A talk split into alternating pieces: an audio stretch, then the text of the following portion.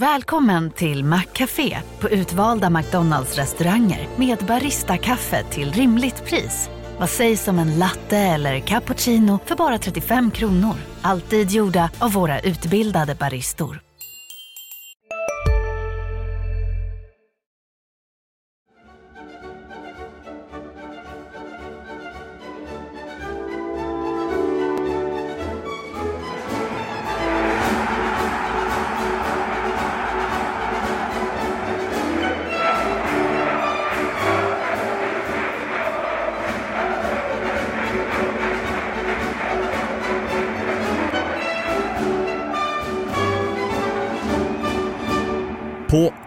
Tisdag kväll är det premiär för HIF och Öster, det vill säga de två lagen som kommer att spela i Allsvenskan 2024. Ja, i alla fall om media får rätt. Marian Svab, Sebastian Rönnström, Mattias Hjelm.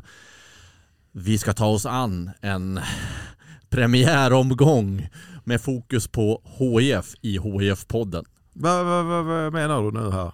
Vad, vad då premiäromgång? Nu lämnar jag den här studion. jag lämnar den här studion. vad, vad, vad menar du? Jag kommer in här, vi ska ha en premiär och så menar du att vi ska vadå?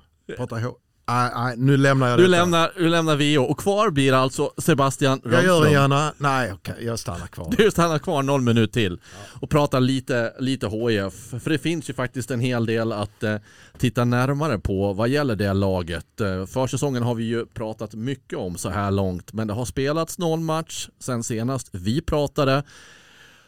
Och sen är det ju så att eh, det har varit upptaktsträff med alla lag. Eh, ja, och därav min inledning eftersom Öster tippades etta, HIF tvåa och det är ju två direktplatser upp till allsvenskan. Sen får vi se om det blir så. Men eh, det ska vi såklart titta närmare på. Laget HIF kan komma att tänka sig att ställa upp med. Du Marian har varit på träningen den här onsdagen och eh, bland annat pratat med Lino Borgero. Stämmer. Som har då eh, kopplingar till båda premiärlagen. Precis. Han hade lite kul att berätta. Bland annat eh, eh, mitt i alltihopa så fick han ett, eller precis innan vi pratade, eh, alltså gjorde intervjun så fick han ett eh, samtal, en typisk eh, Lino brandkårsutryckning tvingades han till det och eh, ja, ni får höra helt enkelt. Och jag, jag studsade till för jag har tjuvlyssnat lite på intervjun. Jag ska inte avslöja mer än så men jag blev smått upprörd när jag hörde att HIF har bytt från rött till grönt. Hur kan man bara göra så? Det är ni. Kan ni klura på den? Ja. Eh, Lite grann från AIK-matchen, den då som har spelats sen vi pratades vid eh, senast vid. Eh, Ja, finns en del andra spelare och ledare med kopplingar till eh, Öster också eh, vad gäller HIF-leden. Ehm, jag tycker att vi bara kör på här nu och går tillbaka några dagar. Eh, Sebbe, jag vänder mig till dig först här då. Eh, Tipset.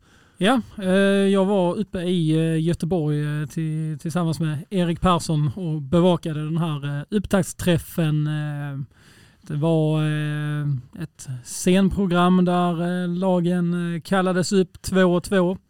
Börja i, i botten och sluta i toppen. Så sist upp på scen var ju då Kalle Joelsson och Mattias Lindström från HIF tillsammans med Måns Berg och Östers tränare Tufa som han kallas. Var väl inte jätteförvånande skulle jag säga att det är just de två lagen som tippas till toppen. Jag tror själv eh, ganska hårt på Öster eh, som var nära redan förra säsongen eh, och som eh, ja, men ser, ser starkt ut. Eh, HIF eh, har ju varit lite mer skeptisk till eh, under försäsongen men att att det här laget med, med den truppen eh, och de spelarna som ändå liksom finns där, att det blir eh, ett slags favoritskap eh, på den, det, det är ju inte särskilt förvånande.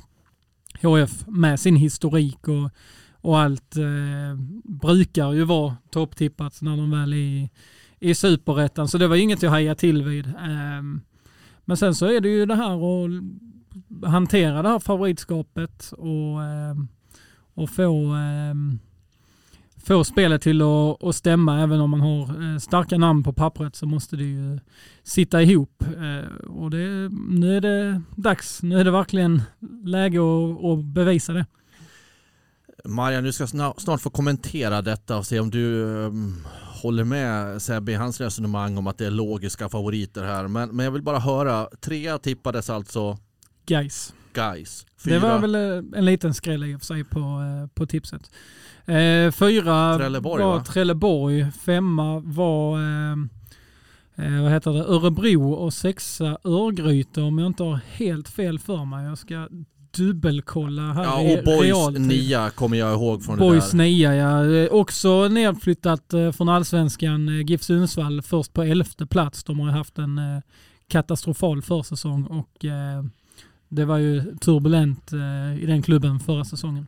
Nu Marian, vad säger du om hur vi i media alltså tror att superettan kommer att sluta. Vi kan väl säga så här direkt att den kommer inte att sluta precis så som vi, är, vi har tippat. Även om inte jag har lagt in något tips, men jag säger vi från media.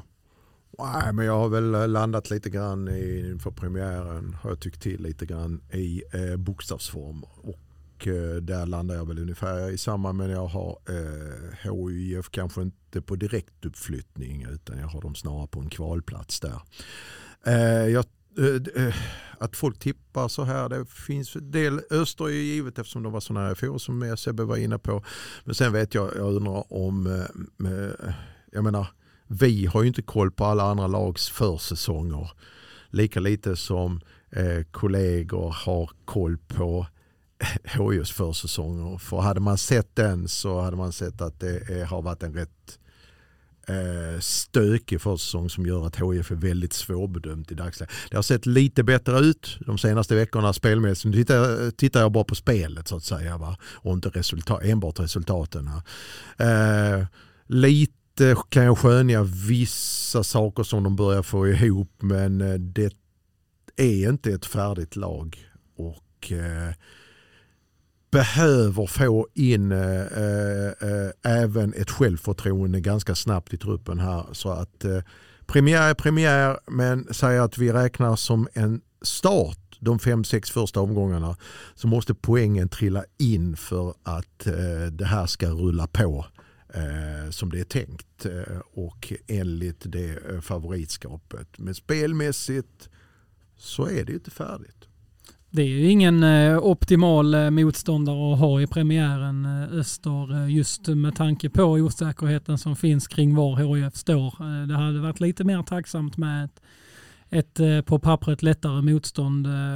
Sen ska man komma ihåg omgång två, då är det Gävle borta och även om Gävle kanske är ett av de svagare lagen på förhand i serien så, så vet vi att, har vi erfarenhet att de matcherna där kan vara tuffa för väldigt många lag. Så eh, det låter alltid klyschigt att säga det här att man behöver en bra start men just i HIFs fall så tror jag att man är ganska beroende av det faktiskt. Alltså det, och det, det det som jag menar då också med om jag ska peka på att vi kommer komma sen till eh, det här med eh, spelare och laget och elvan och så.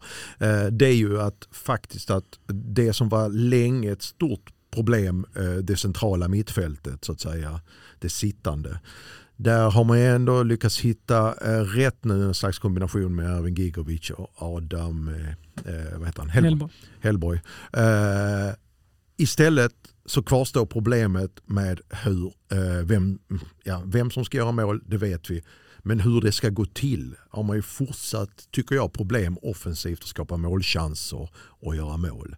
Det, så att, på tal om att det inte är färdigt det här. Eh, jag ska kanske gå in med lite mer, lite mer, jag ska gå in med några egna personliga reflektioner också som kanske inte alltid är lika underbyggda som er. Men, men jag, eh, när jag såg tipset så kan bli lite trött sådär. För att det är så enkelt att sätta ett degraderat allsvenskt lag till superettan som favorit. Nu gjorde man ju inte det med, med GIF Sundsvall då, men med, med HIF. Och just den försäsong som har varit, fjolårssäsongen där Santos och Lindström knappt vann med laget överhuvudtaget. Många förlorar skallar kvar i laget, ett spel som inte sitter. Eh, en, en startelva i bara det genrepet som vi kommer till sen som verkligen lämnar frågetecken. Flera positioner där man inte riktigt vet vad man har. HIF, jag eh, tycker att det finns väldigt många frågetecken när det kommer till HIF och bara för att det är en anrik klubb, att de har bättre resurser än andra, större resurser, en stor, stor fin arena, bättre faciliteter. Ja, så må vara fallet. Men att bara därifrån sätta den som en favorit. Nu vet jag att man också pratar om att ja, men tittar man spelare för spelare, trupp jämfört med trupper så, så lägger man ju in det såklart som en, en tung faktor varför man sätter HIF så högt upp. Men jag, jag får gärna bli motbevisad men jag tror att det kan bli väldigt svårt för Jag var inne på det här eh, i podden tidigare också för HIF den här säsongen. Det är det ena. Det andra, Öster, också lite tröttsamt. Jag tycker jag har hört det här jag vet inte hur många år nu att man pratar om att Öster, Öster ska gå upp. Det känns som att de aldrig går upp. Men i topp ska de vara eh, och de ska vinna eller de ska gå upp. Eh, topp eller två eller tre, jag vet inte. Jag slänger in brasklappen. Jag tror, jag tror och kan ha väldigt fel, men jag tror att Guys kan göra en BP. Jag tror att Guys kan överraska. Jag tror att Guys kan gå rakt upp och vinna serien. Vi får se hur långt ifrån sanningen jag faktiskt är när det kommer till det. Ja men häftigt eh, tips. Eh, jag är inte heller eh, övertygad om att HF eh, reder ut det liksom med och klara en direktplats. Ehm, jag tycker ju någonstans att vinterns transferfönster måste sätta standarden lite för tipset. Eh, efter säsongen då när man rensar ut en massa eh, spelare, eh, vilket var rätt i det läget. Och då lyfte upp fyra stycken från den egna akademin. Då tänkte man kanske, ja men det blir kanske en nystart detta att man eh, riktar in sig på att ja, men ha tålamod, bygg detta med unga spelare. Eh, och då hade man ju hade man slagit in fullt ut på den vägen, då hade jag kunnat köpa att man gör ett mellanår i superettan och och bara att man, man ser att man tar det vägvalet. Nu har man ändå investerat rätt så tungt i Fredrik Holst, Adam Hellborg.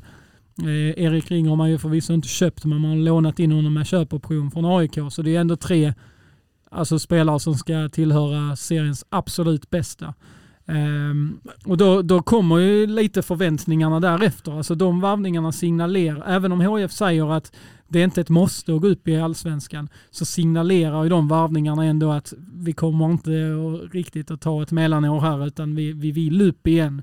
Um, rätt eller fel, det, det, men jag, då tycker jag att då höjs kravribban på laget när man plockar in de spelarna. Alltså, jag säger inte emot dig på något sätt. Jag bara får en parallell tanke. Igår eh, när jag reste hem så satt jag och lyssnade på, det kommer att låta konstigt när jag säger det, men jag lyssnade på Gävle Dagblads eh, podd om Brynäs som jag åkte ur i hockeyn då. Och då så konstaterade de att det här Brynäslaget är det bästa lag som någonsin har åkt ur SHL. Nu är de i och för sig uppifrån Gävle då, men de menar ju på det att tittar man på det här laget så spelare för spelare och den individuella skicklighet som fanns i laget så skulle det inte åka ur. Men de fick aldrig ihop det över tid och åkte ur. Och det, det är där jag menar lite grann. Ja, det är klart att det har kommit in bra spelare. Men har de kommit in bra i laget? Säkert har de gjort det med lagkamrater och så, men i spelet och som Lindström och Santos vill spela, det kanske de har. Men funkar de med alla andra? Jag vet inte. Jag tycker det finns många frågetecken där.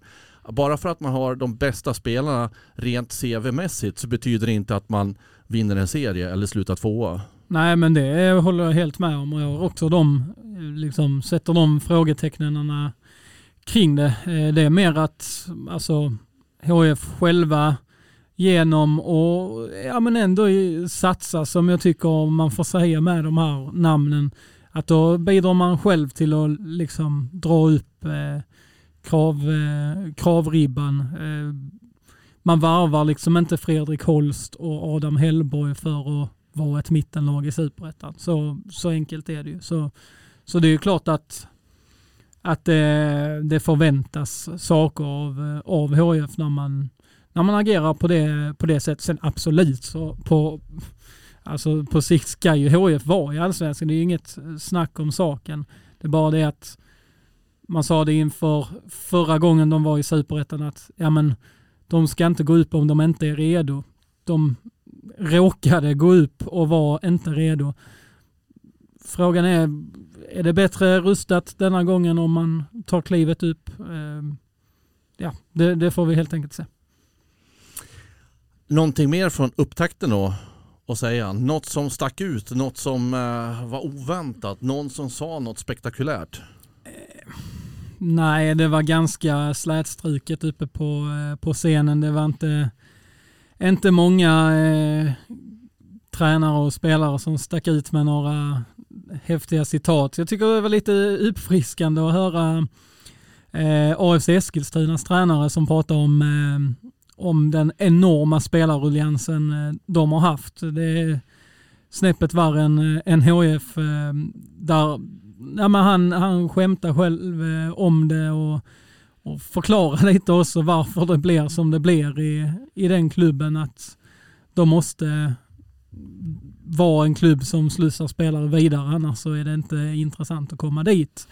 Um, så det tyckte jag var intressant. Västerås har eh, skaffat en inkastcoach, eh, vilket jag också tyckte var eh, ganska intressant. Ehm, det finns ju, jag vet Liverpool är ju ett lag som, som har en sån, men det känns inte som en eh, vanlig eh, roll att ha i, ett, eh, i en svensk klubb. Så det var väl två grejer jag hejade till vid.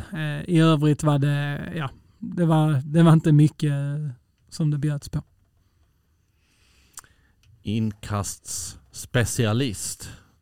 I, su I superettan kan vad som helst hända. Där finns ju Skövde också som var utskällt. Ja, Skövde som hade skapade, eller fick till 85 avslut från inkast förra säsongen. Det var förkrossande överlägset eh, jämfört med resten av lagen. Eh, tvåa var Norrby på 22 eh, avslut. Så eh, Skövde, för, för de som eh, HF-supportrar som inte följde superettan förra säsongen så så kan de nog räkna med lite annan typ av fotboll när det är Skövdes eh, som kommer på besök med gamle landslagsspelaren Tobias Linderoth eh, som tränare. Fast de mötte Varberg i fjol i allsvenskan som spelar ungefär. Ja, lite så. Men, Men inte så extremt. Skövde är inte ännu mer eh, extrema. Men, eh, nej, men det här med inkast det är ändå lite intressant. Jag minns eh, efter matchen mot Norrköping förra säsongen när HF förlorade med 1-0. Anders Lindegård gick ut och eh, sågade eh, sitt lag och sa att vi är dåliga på inkast. Och sen så minns jag Dygelm prata, prata med just Mattias Lindström som sen berättade att HF faktiskt skulle börja träna på inkast. Um, aningen udda men det är inte fel. Man brukar ju träna på hörnor och frisparkar så varför skulle man inte kunna träna på inkast? Ja du Marian, blir du supertaggad här nu på Superettan när du hör de olika lagens eh, knep? Ja, det är, som sagt var, liksom, jag har ju varit inne på det och jag pratade lite grann också, det kommer också en intervju med honom senare i veckan här med, eh, idag med Andreas Langgren om det här med eh, världens längsta försäsong.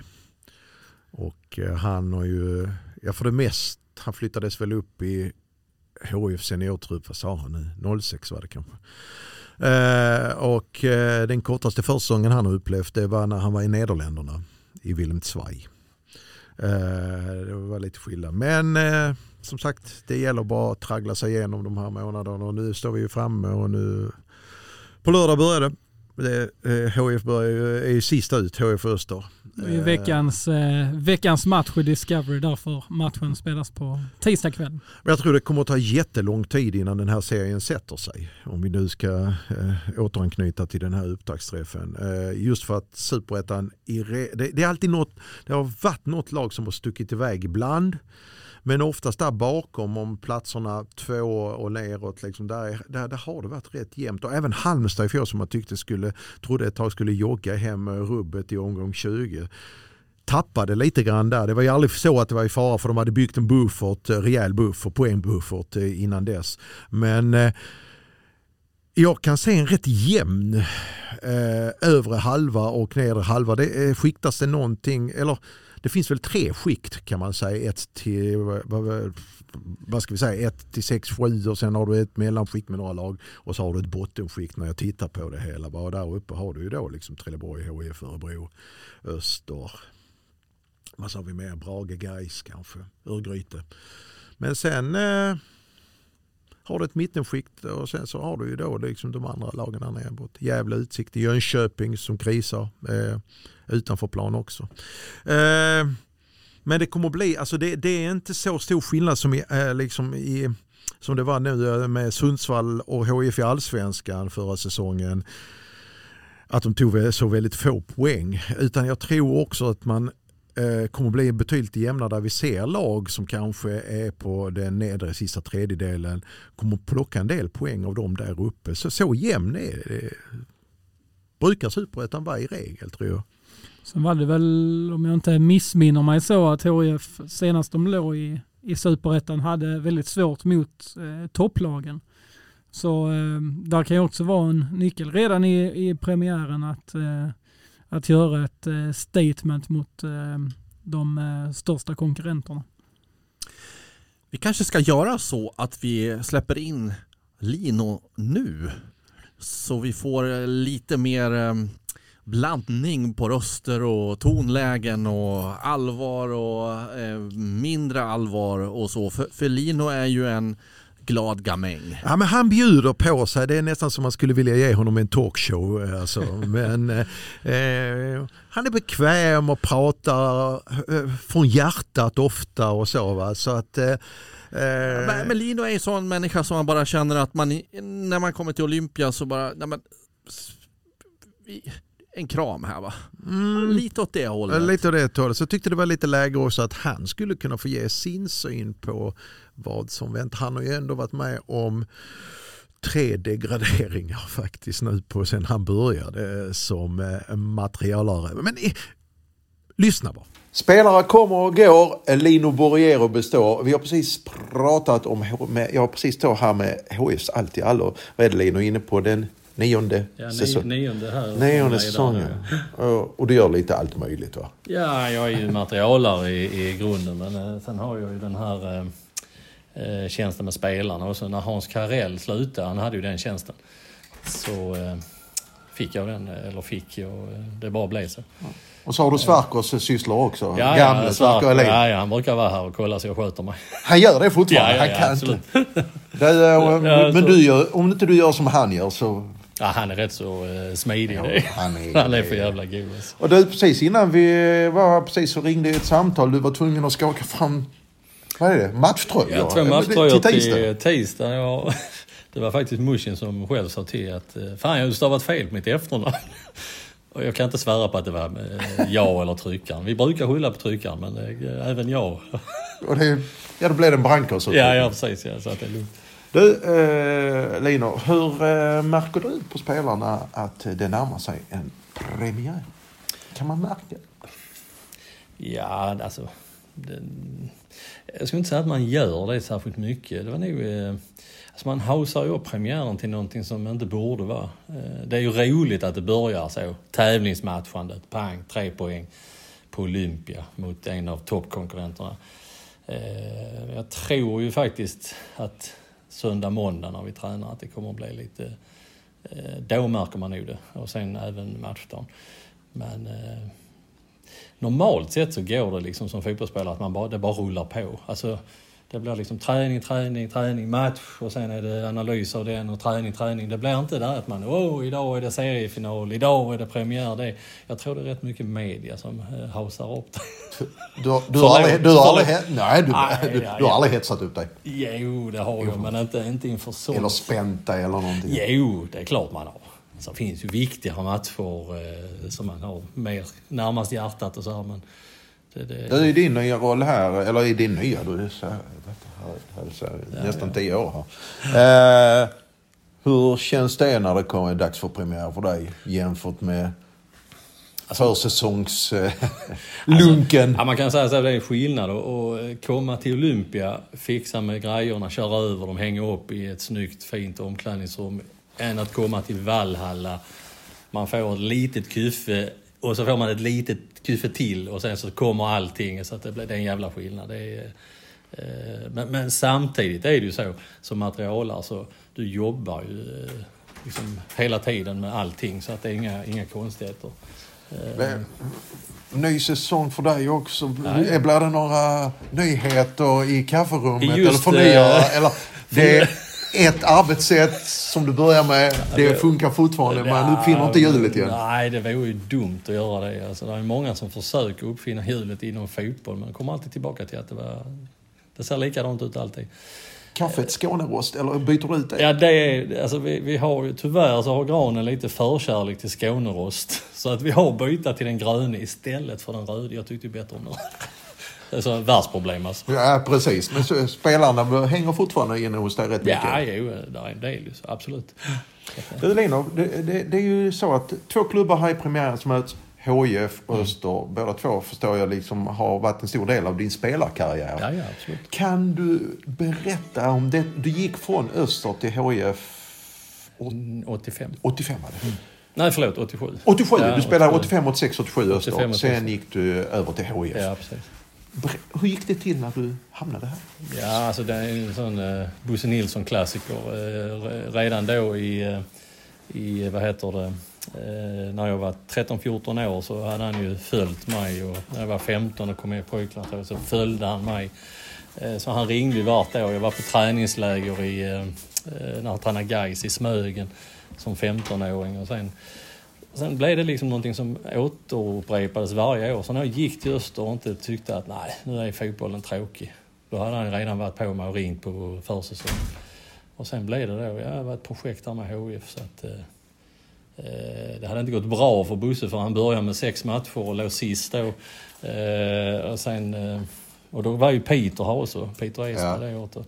Så jag sa, ja fan, eh, kan jag att förlora på det alltså, för att jag tyckte fotboll var eh, varför hade du tröttnat? Alltså jag är ju sån, jag är, jag är en känslomänniska. Jag är glad eller jag är ledsen. Det är inga mellanläge och sen är det... I fotboll är det ganska mycket så att om du inte tycker det är roligt och framförallt den typen som jag är lite med, jag vill bjuda på någonting. Jag vill inte bara gå ut och göra, spela spelmönster eller jag, jag, jag vill göra någonting. Och när inte det heller, när man inte får göra det, då någonstans hamnar man i någon jävla limbo där man, eh, ja, man får ta nya beslut. Men det blev bra när du kom hit. Ja, sen helt plötsligt så fick jag ju sju år här. Eh, som har varit de bästa åren i mitt liv, alltså fotbollsmässigt. Eh, och det är ju, det är ju liksom så här. Tack Bosse Nilsson, tack HIF, alltså för att man fick uppleva Men, det. men när du kom hit 87 då kunde du inte säga att du skulle vara kvar så länge. Nej, det, nej, men det tänkte jag inte. Det var mer liksom att jag ville komma igång igen och känna liksom i huvudet att Ta det säsong för säsong ja, kanske Och så låg vi ju i liksom tredje divisionen då ju, så att det var ju liksom... Men, men det gick ju bra. Allting gick ju så här som på räls egentligen då. Från, Och nu möts klubbarna igen i en premiär. Eh, Jag vet att det är en av 30 omgångar, men båda tippas att ligga där uppe. Mm. Lino. Vad ser du framför dig för säsong? Alltså jag, jag, jag, sa, jag sa som sagt hela tiden, vi har spelare för spelare har vi den bästa truppen som jag, sen jag kom hit här. Eh, sen är det ju så här, du måste få det att liksom klicka så här, men om man tittar på träningar, man tittar på vissa eh, matcher här så, så, så ser det eh, bra ut. Sen har jag också sett matcher som alla andra där det har sett mindre bra ut, men det är som sagt, det är inget, eh, man ska inte lägga för mycket energi på det. Spelare för spelare så har vi den absolut bästa truppen i Superettan. Men sen vet ju, du har ju varit nere och vänt här i Superettan också. Eh, Du vet ju hur tuff denna serien är också ju. Ja, du vet, tre, tre, eh, tre nedflyttningar på sex säsonger, det skojar man inte bort. Du, vet, du är Ja, väl så- bekant med vad som... eh, in, och innan det, som så, ja, innan det så har de väl bara trillat ner två gånger tidigare. Så att jag, eller vi då som förening. Så det är ju en jäkla... Alltså det, det är en jäkla process för en förening att få så mycket, vad ska man säga, motgång. Och sen så vända det och få framgång och liksom försöka. Vårt mål måste ju vara att såklart gå upp, stabilisera oss och sen ta det därifrån. Det, det, alltså vi är en alldeles för stor klubb för att inte ha eh, den målsättningen. Ska det bli kul att komma igång? Ja, det är Men fantastiskt. på- Alltså, det är så, ja men alltså herregud, fotboll är ju det man lever för. Så att, sen är det ju inte bara matcherna och poängen. Jag menar, Herrgård Landgren, han lever man för han kommer var dag och bara säger hej och tar en kopp kaffe. Va? Det är liksom eh, små grejer i vardagen som liksom piggar upp. Eh, men klart, tre poäng. Det är alltid roligt att spela om. Rött till grönt alltså. Hur kan man överge en Bollbergs för eh, Skånerost? Ah! Jag är på Linos sida där. Ja, ja, men det var inte Du det- fick det förklaringen i alla fall, rött till grönt. Men eh, det var ju faktiskt inte det viktigaste i, i den där intervjun. Det fanns mycket annat att eh, Ja, lyssna det, in. Absolut, alltså det är ju eh, som sagt var det är en, eh, det är en människa som eh, har, eh, som ni kan höra då, liksom väldigt starka känslor för HIF. Men även kommer ihåg sin tid och sånt. Och det som jag tycker är så intressant är att han lyfter fram alltså glädjen. När han spelade så behövde han känna det. Jag tycker det kommer lite grann idag när det är så professionellt alltihopa. Och, eh, både vad det gäller träning, förberedelse, kost, sömn etc. etc. Med all rätt om man ska prestera så var det fortfarande så att ibland glöms ju den här biten, lusten till fotboll, att eh, glädjen och så. Och, eh, eftersom Lino är en känslomänniska så var han också en känslomänniska på, på planen. Eh, och eh, men jag tycker han, han är, jag skulle kunna, vi skulle kunna pratat hur länge som helst, bara liksom en podd på 50 minuter eh, om, om allt möjligt eh, som rör fotboll och HF och så vidare. Det som är intressant är också så, eh, så att säga så att han har varit i öster Precis. precis innan han anlände till HIF. Eh, hade precis en sån period där han kanske inte kände för fotbollen när Bosse Nilsson tog hit honom och sen så var han med och tog upp HIF till allsvenskan efter då de har varit utanför i 24 år. Eh, och sen både innan och sen, alltså kopplingarna mellan de här klubbarna mellan Växjö stolthet och Öster och HIF är ju faktiskt ganska starka. Och, eh, Öster idag är ju en liksom välskött, välorganiserad klubb. Lite grann i skuggan kanske fortfarande av Växjö där hockeyn faktiskt har blivit så pass stor. Ja, det är ju faktiskt en del Det är en eh, före detta, före detta fotbollsställen som har blivit så. Ja. Växjö är så, Örebro är också så. Örebro som finns i superettan i Ja, och. HIF eh, eh, utmanas åtminstone vad det gäller liksom, publikens intresse så av Rögle i Ängelholm. Så att, men Öster eh, har jobbat på. Eh, där brukar vara rätt så vettiga människor i den klubben och har jobbat på med lång, eh, på längre sikt och är nog, skulle jag eh, säga idag, är, går de upp så eh, tror jag att det, klubben kommer vara redo på ett helt annat sätt. Eh, sen vet man ju aldrig som sagt var. Vi har ju också exempel i superettan i fotboll, Östersund och Örebro som höll på att rasa ur en serie till. Det är också apropå det du sa innan med eh, att man tar för givet att bara för man trillar ner för allsvenskan som är favorit. Vi har ju eh, eh, då, lite sämre exempel, exempel på där det har gått sämre. Och det var två lag i fjol som, och de tog ju väldigt lite poäng också i allsvenska Örebro. Där tror jag i och för sig inte HIF kommer att hamna. Nej, det, Det, tror jag inte faktiskt heller. inte. Ja, det är, men eh, det är just intressant det här med lagen som kommer från allsvenskan. Jag tror räkna på, på det för, om det var senast HF var i, i superettan, att det är lika vanligt Vi är specialister på det vi gör, precis som du. Därför försäkrar vi på Swedea bara småföretag, som ditt. För oss är små företag alltid större än stora och vår företagsförsäkring anpassar sig helt efter firmans förutsättningar. Gå in på swedea.se företag och jämför själv.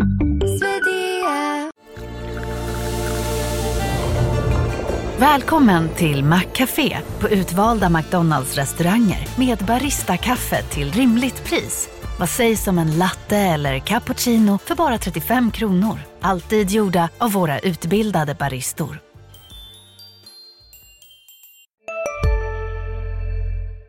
Att ett lag studsar upp i allsvenskan direkt när man har åkt ner som det är att man brakar rätt igenom superettan och, och ner i ettan. Så det, det brukar ofta vara lite så. Ett av lagen som åker ner, de kan slåss i toppen, ett får slåss i botten. Förra säsongen var det ju eh, två stycken eh, som slogs i botten samtidigt som Halmstad då tog steget upp. Åter till kopplingen rödblått och rödblått, Öster och HIF då. Där finns ju faktiskt i HIFs organisation idag till exempel. Så finns ju, återfinns Hans Eklund som har starka kopplingar då till Öster eh, och idag är, eh, jobbar på ungdomssidan i HIF och har spelat givetvis under tiden, bland annat när det var Champions League i början på 2000-talet, där HIF tog in en högst oväntad vänsterback, Niklas Liatoppan eh, Persson hette han. Eh, och gjorde fantastiska insatser för HF när han lånades in från Öster. Eh, vi har Peter Wibron som var här. Eh, också eh, en stark profil, Österprofil. Och eh, förresten Liatoppan, han gjorde mål i Champions League. I samma match som Anelka 1-1 hemma HF Paris Saint-Germain. Alltså det är ju inte jättelångt Va? tillbaka i tiden egentligen men det Nej, känns ju när du pratar om det som att det är evigheter Det är ganska långt eh, från Skövde och utsikten. Mm. Men det var jättehäftigt va? att han, han var målskytt tillsammans med Anelka när HF mötte Paris, PSG här hemma. Eh, nåväl, eh, idag har du också, jag tror han tränar U19-laget, Björn Lilius, också, eh, HIF då tränar han U19, har också ett förflutet både som spelare i HIF och har varit i, eh, och sen eh, en sån som sitter inom organisationen Stave, Stavros Papadopoulos har också eh, spelat i Öster. Eh, så att eh, där finns ju en hel det finns ju eh, fler kopplingar såklart. Atiba Hutchinson, yep. kanadensisk VM-debutanten vid 40 års ålder, eller 39 års ålder. Fick ju sitt genombrott i HF kan man väl säga. Ja, men kom från öster. Ja, så att där finns ju många sådana här säga, kopplingspunkter mellan de här klubbarna. Två anrika klubbar. Det får man säga. Jajamensan. Eh, och det är väl inte helt otänkbart att det typ slutar 1-1 eller något sånt. Att de delar på poängen. Ja, det är ju ett av tre möjliga vad ska man säga, slut... Eh, ja, inte resultat, men slutprodukter. Det blir ju antingen en etta, ett kryss eller en tvåa. Så att det är ju inte helt otänkbart såklart. Men eh, med tanke på lagens status och vilka spelare som finns där och så vidare och så vidare så ett oavgjort resultat kanske. Man har i alla fall, man har, I utgångsläget här nu har man ju faktiskt rätt så höga förväntningar på den här matchen. Eh, att den ska hålla en klass, eh, en viss klass. Jag skulle väl säga att eh, blir det oavgjort så det är ett, ett bra resultat för HIF att få i en, i en premiär sett till eh, det vi har pratat om innan. Att man har haft en lite tyngre försäsong och eh, hade ett tungt fjolår så kan man ta med sig en, premiär, eller en eh, poäng från premiären och en ja, men ganska god känsla så tror jag att det kan, ja men det, det är nog positivt. Ska vi då kika in i det som har hänt sedan vi pratade här i podden senast? För det har ju spelats matcher. En, två, två matcher va? En seger och en förlust. Det blev ju faktiskt seger mot ett allsvenskt lag, vilket ju var nog väldigt välbehövligt eh, för HIF att kunna visa att man kan faktiskt slå dels eh, ett allsvenskt lag men också på en nivå högre än, ja, vad kom vi fram till till Division 2. Division 2. Ja, nej den eh, segern var ju väldigt eh, skön för laget att, att få. Eh, gav lite eh, arbetsro efter eh, några tyngre förluster. Och därefter den så kom ju då genrepet mot AIK och då blev det som väntat får man säga en förlust 0-3. Det är väl inte så mycket att säga om de siffrorna men däremot... Det var faktiskt HIF gjorde en helt okej okay första halvlek i alla fall. Uh, sen är det väl skillnad på så att säga spetsen i... Vi, vi är tillbaka där igen. Det mm. här med målskyttet. Uh, effektivitet och så vidare. Och så vidare. Ja, och, och, och sett till att AIK ska vara med uppe i toppen i allsvenskan och HIF då ska vara med i toppen i superettan så ska det ju då skiljas, skilja en division mellan lagen så då är väl 0-3 ganska rimliga siffror någonstans om man bara tittar på resultatet. Men det som ändå är värt att fästa uppmärksamhet på här är ju faktiskt vilka spelare startade i HIF i ett genrep inför superettan?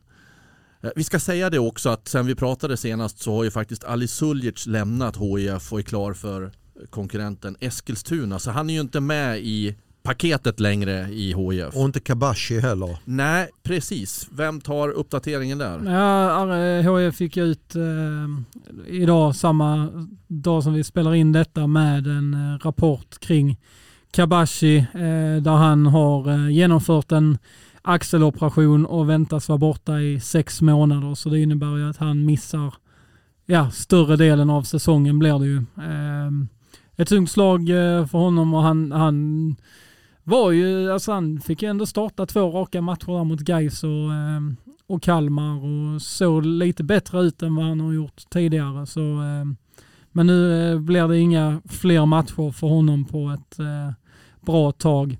Sen med Ali Suljic är rätt så intressant tycker jag, för det var ändå en spelare som HIF knöt upp tidigt, alltså redan innan det stod klart om de skulle spela i Allsvenskan eller Superettan. Och han var ju tilltänkt som eh, den nya försvarschefen. Eh, var ju också ordinarie i början av allsvenskan, gjorde inte det dåligt. Jag tyckte han var, ja, men gjorde det ganska bra. Men blev, eh, blev sen eh, utkonkurrerad. Han fick en skada och sen så kom Rogne in och så Videll tog kliv och så blev det de två som spelade och då har ju han hamnat längre bak i kön. Jag tycker inte de andra gångerna han har spelat att han har gjort bort sig då heller. Han har, han har varit ja, men ganska bra, men han anser väl själv också att var tredje val i, i superettan, det var väl inte vad han såg framför sig när han gick till HIF. Ehm, så från hans perspektiv kan jag ju absolut förstå det. Sen är det ett litet avbräck för HIF skulle jag säga. För Kasper Videll, där sitter man i en situation där han har utgående kontrakt. I sommar lär HIF hamna i ett läge, ska vi sälja eller ska vi gå tomhänta? Eh, och så har man Thomas Rogne som har haft lite skadeproblem på försäsongen. Tveksamt om han håller i alla 30 matcher. Och där bakom finns ju egentligen ingen eh, renodlad mittback utan det är ju vänsterbacken Emil Hellman, högerbacken Filip Reinhold som får täcka upp om någonting händer och där ser jag väl det som ett ganska stort glapp mellan Videll och Rogne och så Reinhold och Hellman. Så det vill nog allt till att eh, HIFs ordinarie mittbackar eh, eh, håller sig skadefria så att eh, annars så De kan, kan det bli plocka hem lite... Charlie Weber Ja, också. det funkar. För det är fortfarande HIF-spelare. Ja, men, eh, men det, mm, det är lite tunn eh, uppsättning ändå. eh, sett Ja, det till, får man ju säga. Det är inte bara lite, det är ganska, ganska mycket tung. Eh, mycket tunn, kan man säga så? Eh, I alla fall, det är inte bara lite tunt där. Sen om man jämför väl med resten av superettan ska man också kanske jämföra. Finns det den kvalitet, hur många har den kvaliteten och den här superbredden? Nej, det är ju en god poäng såklart. Eh, man, Absolut. tar, alltså man måste ju sätta det i relation till så säga konkurrensen. Eh, som sagt, jag har inte riktigt koll på vad eh, Eh, de andra, om de har tre eller fyra mittbackar eller vad de har eh, eh renodlade är kanske då till exempel hos de här som HF ska konkurrera med om toppplatserna som det är tänkt. Jag vet inte om har Gais tre, Örebro tre, fyra mittbackar och Öster, det, eh, Trelleborg. Eh, jag vet inte. Jag har inte riktigt koll på alla trupper liksom. Och bara, jag tror man, måste, man, man, man kan nog inte se det som, man kan nog inte begära mer kanske i dagsläget än att eh, man har två ordinarie och så har man faktiskt ändå folk som kan gå in och göra jobbet. Eh, Jag tycker det största bekymret eller orosmolnet här hos mig är faktiskt det som eh, Sebbe var inne på. Det är klarar Thomas Rogne 30 omgångar. Gör, eh, kan Thomas Rogne vara Thomas Rogne i 30 omgångar, fine, då tror jag HIF ändå liksom får in eh, ett gäng gratispoäng både genom hans kanske offensiva styrka och eh, eh, att hålla tätt bakåt. Men hackar hans säsong, ja, då är man nog, ska man nog vara orolig, ja. Thomas Rogne, nyckelspelare, nyckelfigur. Vad man nu ska använda för ord. Tveklöst är det så och med hans eh, bakgrund dessutom. Lagkapten dessutom. Lagkapten, eh, absolut. Och det är bara för alla att hoppas på att han håller och inte går sönder. Eh, och han har väl inte spelat fulla matcher här mot slutet heller. Nej, det är ju...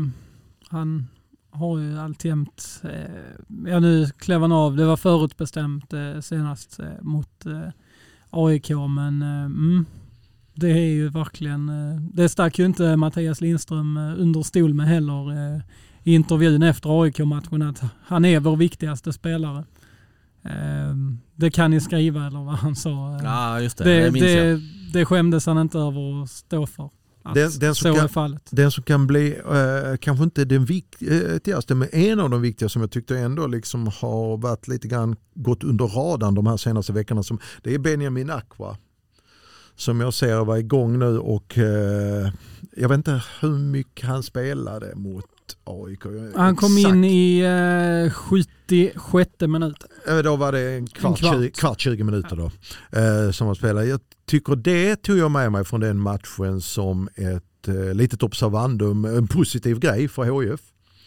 Eh, kan han komma igång, komma ikapp till att börja med här och komma igång och bli en, den där 90 minuters spelaren som är, eh, utifrån de egenskaperna han har som HIF förväntar sig så är det ju också ett mer eller mindre eh, eh, fantastiskt nyförvärv sett till så att säga övriga superettan-konkurrensen. Ja, han har ju verkligen potential att vara en 5 plus-spelare i superettan om han eh, får allt att, stämma och kan vara skadefri och komma i form eh, snabbt. Även försäljningspotential fin- försäljningspotentialen finns ju där Absolut. såklart. Ju. Mm.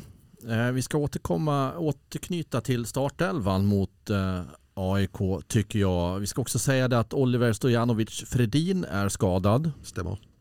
Så vi har med det också. Vi får inte tappa bort det. Men, men mer på startelvan där. Alltså jag, jag studsar ju ändå lite till när Wilhelm Löper återigen är utanför och, och de här etablerade spelarna. Rasmus Jönsson var också utanför. Landgren har ju precis kommit tillbaka så det kanske inte är så konstigt att han inte startar. Somar Al-Madjed. Somar också. Al-Madjed, någon slags, någon slags prestigevärvning får man väl säga inför förra, förra säsongen. Han var ju borta hela året med skada. Ehm, Ja men det är klart det här med löp och det, här, det känns ju verkligen som att det ligger en hel kennel begraven här. ja det gör det faktiskt. Eh, för mig är det svårt, som inte är insatt och ser vad som händer bakom kulisserna. Men, men alltså har man råd att inte se till att få löper i sin form och vara på plan i match efter match.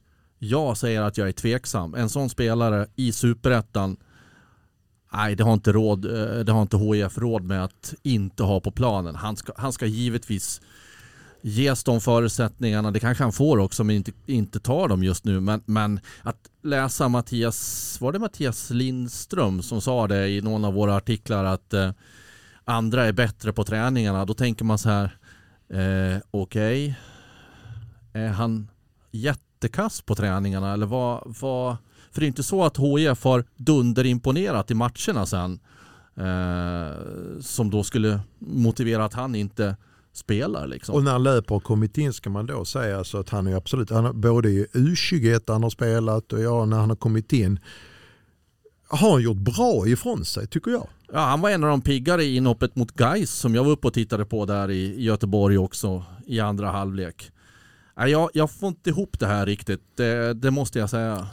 Den här tendensen såg man ju redan under hösten eh, där han blev bortplockad flera gånger ur startelvan. Eh, då såg man också en tydlig liksom, frustration på många träningar från löpers sida. Det har jag inte sett riktigt på samma sätt. Eh, han ser ut att vara i bättre balans eh, hittills i år. Eh, för så här.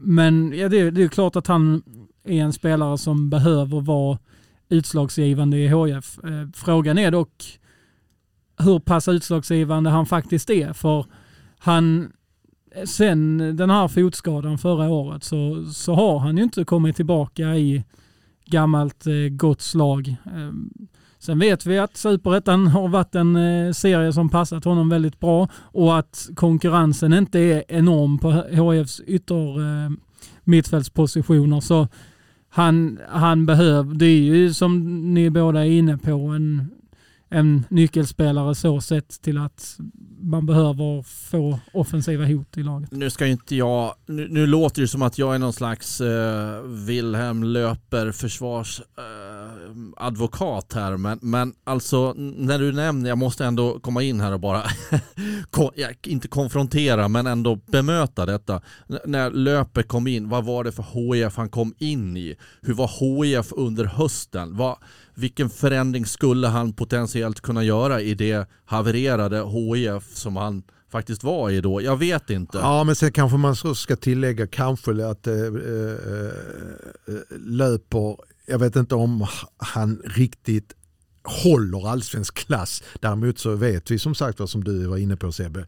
Superettan, där är han en, en, en av de bättre spelarna i den utifrån det vi har sett. Va? Sen så, så, vet jag inte, sen blev nog det allsvenska språnget förra året lite för stort tycker jag. Där gjorde han inte samma avtryck. Nej det gjorde han inte. EI är förvisso ett dysfunktionellt lag.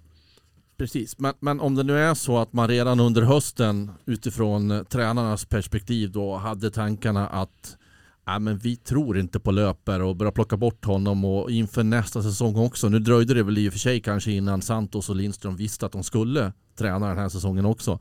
Men varför har, har man inte försökt lösa situationen att han spelar i ett annat lag nu om man ändå inte tror på honom? Frigört de resurserna till någonting annat. Alltså jag, jag den här, det, här är, det här är en matematik jag inte kan lägga i alla fall. När jag inte har all, all fakta på bordet. Jag tycker det är konstigt. Eller så är det så att man alltså, tänker själva också att han ska vara en, eh, en bärande spelare. Eller att man gick in i säsongen med de tankarna. Men så har, vill man kanske skicka någon slags eh, signal till honom att han behöver steppa upp. Eh, genom att då ge unge Anton Nilsson chansen istället som, eh, som kan komma där och, och ja, med lite blåslampa och, och trycka på i konkurrensen. Jag vet inte hur de har eh, tänkt just eh, där, men det, är, det är samtidigt också eh, ja, men en viktig grej att och liksom ha med sig för båda tränarna här eh, hur man hanterar sådana här situationer med löper, Somar Al-Majed eh, kan inte vara nöjd med, med sin situation eh, med tanke på att han varvades inför att vara en en, eh, en viktig spelare för laget men som sen har varit skadad och sen nu sitter på bänken. Då har Filip Reinhold. Filip Reinhold likadant. Eh, Rasmus Jönsson eh, förvisso var ju inte han någon startspelare förra säsongen heller men det är ändå liksom en, en profil alltjämt. Ehm, jag, jag, jag tycker det är bra att man vågar ta obekväma beslut men ja, det blir en utmaning också att kunna hantera dem eh, på sikt. Och i ett genrep eh, får man väl ändå utgå att eh, den elvan man skickar ut till tio elftedelar är i alla fall den som ska spela i premiären. Jag har mycket svårt att se att man byter ut fyra, fem gubbar i det, i det laget som äh, mötte AIK.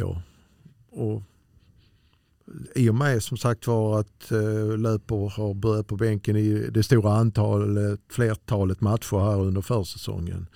Så ligger här så, så verkar han inte vara på, påtänkt som en startspelare. Eh, så att här finns en, en, situation att hantera och det här måste tränarna kanske jag vet inte, det lättaste är väl att göra det för sig som tränare är väl att bänka en sån spelare men man måste fortfarande hantera det och förklara det. Jag, jag, ja, för mig är detta en... Det ska bli oerhört intressant att följa det här om detta fortgår. Eh, enligt då att han får hoppa in en eh, halvtimme här. Och, och, och framförallt om resultaten inte kommer. Precis va.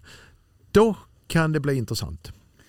Om vi pratar om just en startelva till premiären så Ja, Kalle Olsson given. Fredrik Holst lär ju, han verkar ju vara högerbacken nu. Eh, Videll, Rogne i mitten. Nu eh, spelar Emil Hellman senast eftersom, eh, eller ja, Simon Bengtsson var ju på landslagsuppdrag, men Simon Bengtsson lär kliva in på den positionen.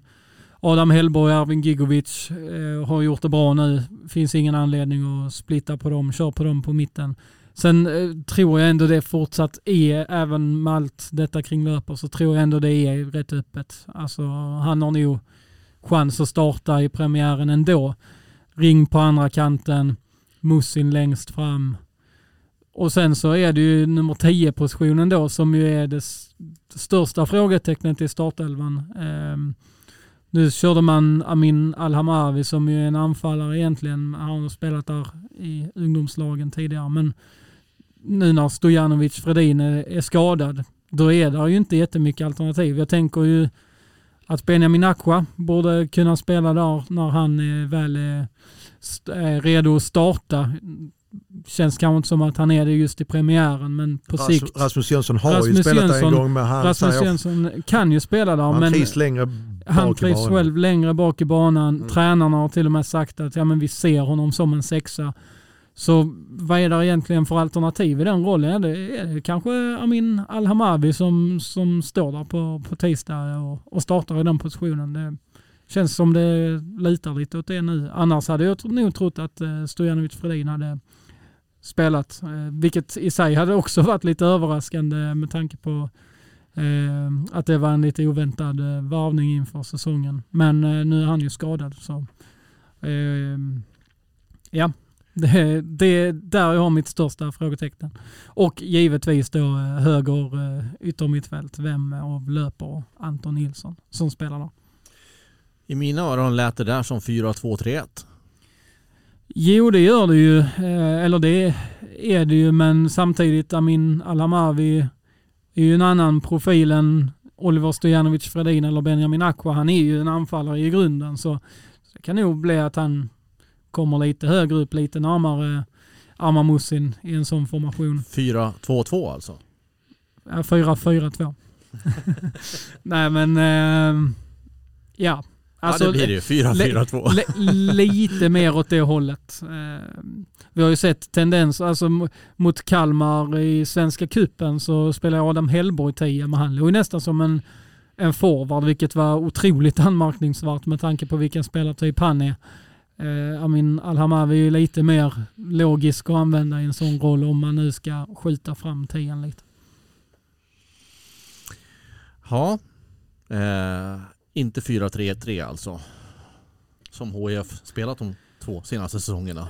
Nej, inte det raka utan eh, ganska Eller tydligt som det har med att de ska spela. Ja, ganska tydligt med liksom två... Ja, alltså HIF hävdar ju själva 4-3-3, 4-2-3-1. Det är liksom hur man vrider triangeln på mittfältet och så är det ju. Men eh, det har ju blivit mer tydligt eh, från Helsingör-matchen och framåt att det är två defensiva mittfältare, en offensiv. Och jag tycker att det finns eh, fog för att aktualisera då återigen det du var inne på Marian tidigare här för en stund sedan. Hur ska målen komma till? Det är du. Det är jag.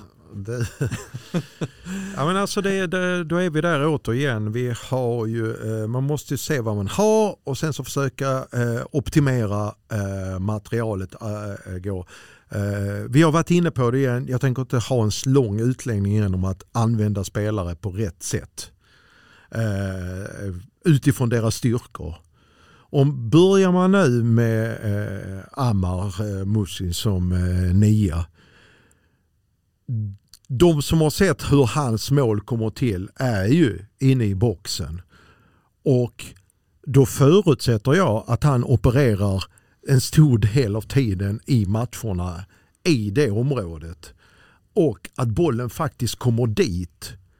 Och det är där jag tror problemet har varit under liksom en stor del av försäsongen. Hur ska bollen nå anfallarna Och det här är inget nytt problem. Nej. Maja. För ett år sedan, så, ja inte riktigt ett år sedan, men hur många bollar fick Anthony van den Hurk i den rollen i början av allsvenskan? Hur mycket kom han in i matcherna? Hur svårt hade inte HIF att göra mål? Vi är exakt samma läge idag. Exakt samma läge. Med skillnaden då liksom att eh, på den tiden till vänster hade du till exempel Taha Ali som var mer av en dribbler. Erik Ring är mer rak på, och, och, eh, på, på mål så att säga, går mer rak på mål. Va? Och sen hade vi då Wilhelm Löper eh, till höger så småningom eftersom han blev skadad där på eh, träningslägret. Men vi hade den här diskussionen, vi har den ett år senare igen. Eh, Och man undrar, har de inte kommit längre med att lösa det problemet under så lång tid? Alltså det... Vi har ändå Alvaro Santos som är en gammal anfallare. Som, eh, ja, ja, eh, jag menar det är, det är alltid från pressspelet och det här. Jag förstår att det man vill sätta det och att det har varit osynkat från och till. Mot Kalmar fick man två mål genom pressen. Men det är fortfarande så i uppställt spel när HF, HF har väl ändå någon slags idé om att de ska föra matcherna i superettan.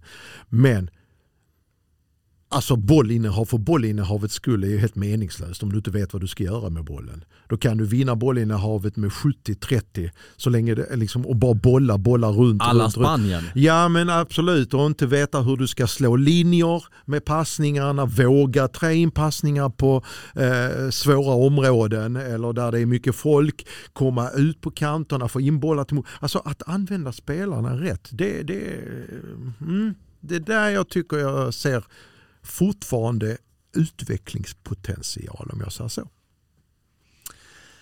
Ja, vem vet? Det kanske är så att de knäcker koden lagom till tisdag och att eh, de aldrig sen eh, tappar koden under säsongen och att det bara sköljer in mål. Eh, det vet vi ju inte nu. Ja, det är ju mycket också det här med som du var inne på Mattias, alltså det här är rätt mycket eh, stukade psyken fortfarande och efter en sån här försäsong så är ju inte det att man, det, man har, det har pumpats in självförtroende i, i, i de här skallarna.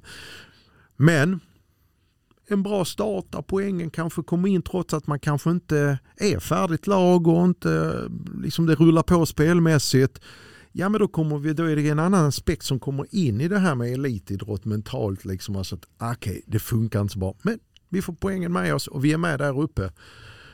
Och det är ändå som sagt var en resa som är tänk, liksom, som kommer eh, eh, vara lång och där det kommer, tror jag, kanske också hända en hel del längs med både vad det gäller sommarens transferfönster beroende på hur HIF ligger till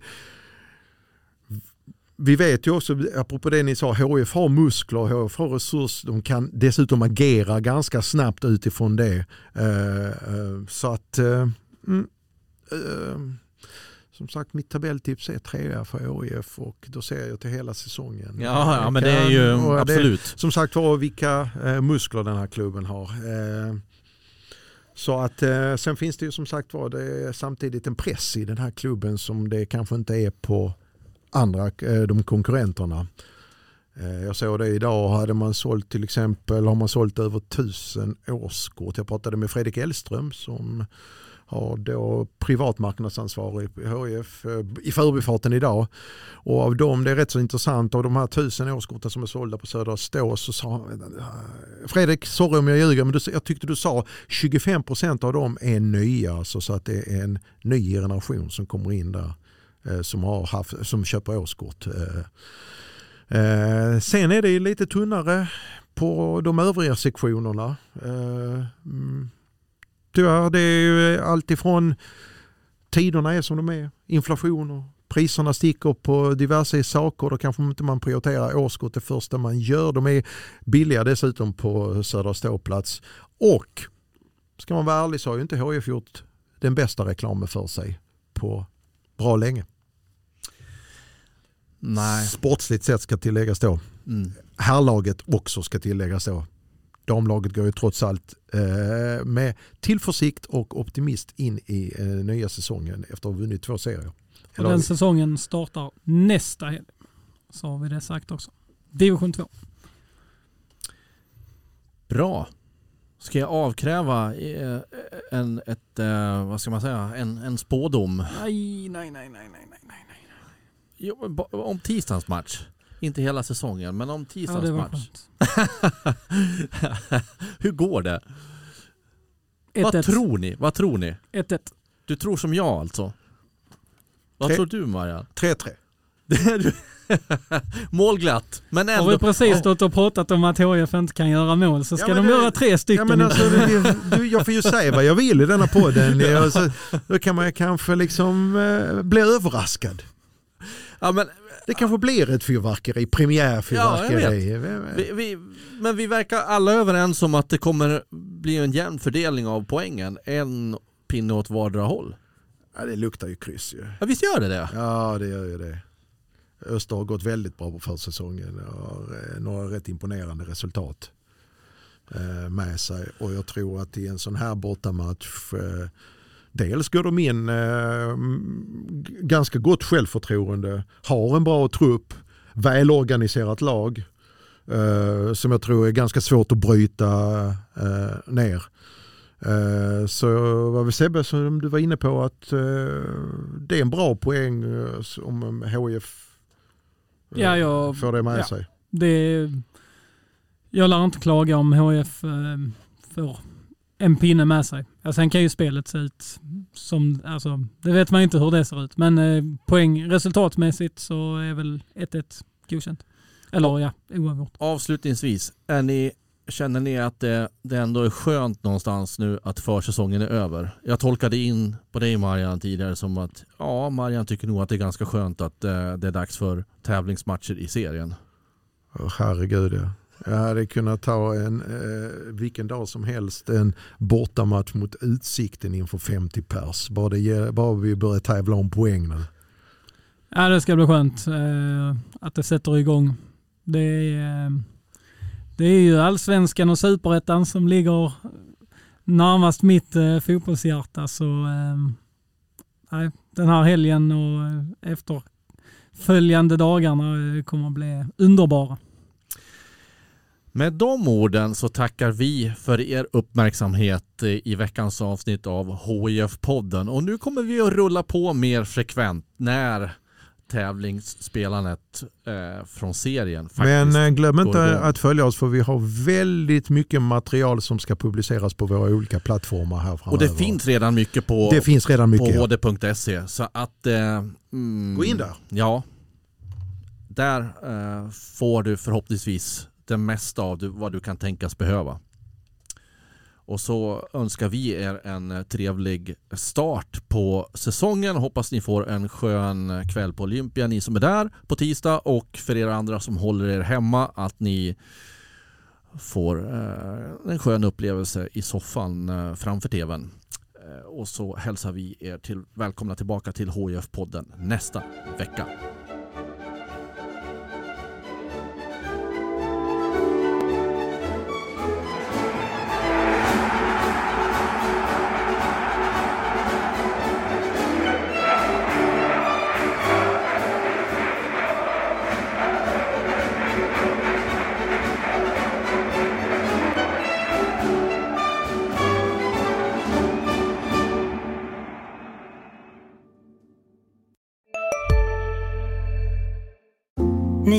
Om det största. Och det största är den minsta. Ni minns de första ögonblicken. Och den där blicken gör er starkare. Så starka att ni är ömtåliga. Men hittar trygghet i Sveriges populäraste barnförsäkring. Trygg Hansa. Trygghet för livet. Hej, Susanne Axel här. När du gör som jag och listar dig på en av Krys vårdcentraler får du en fast läkarkontakt som kan din sjukdomshistoria. Du får träffa erfarna specialister, tillgång till lättakuten och så kan du chatta med vårdpersonalen. Så gör ditt viktigaste val idag, lista dig hos Kry.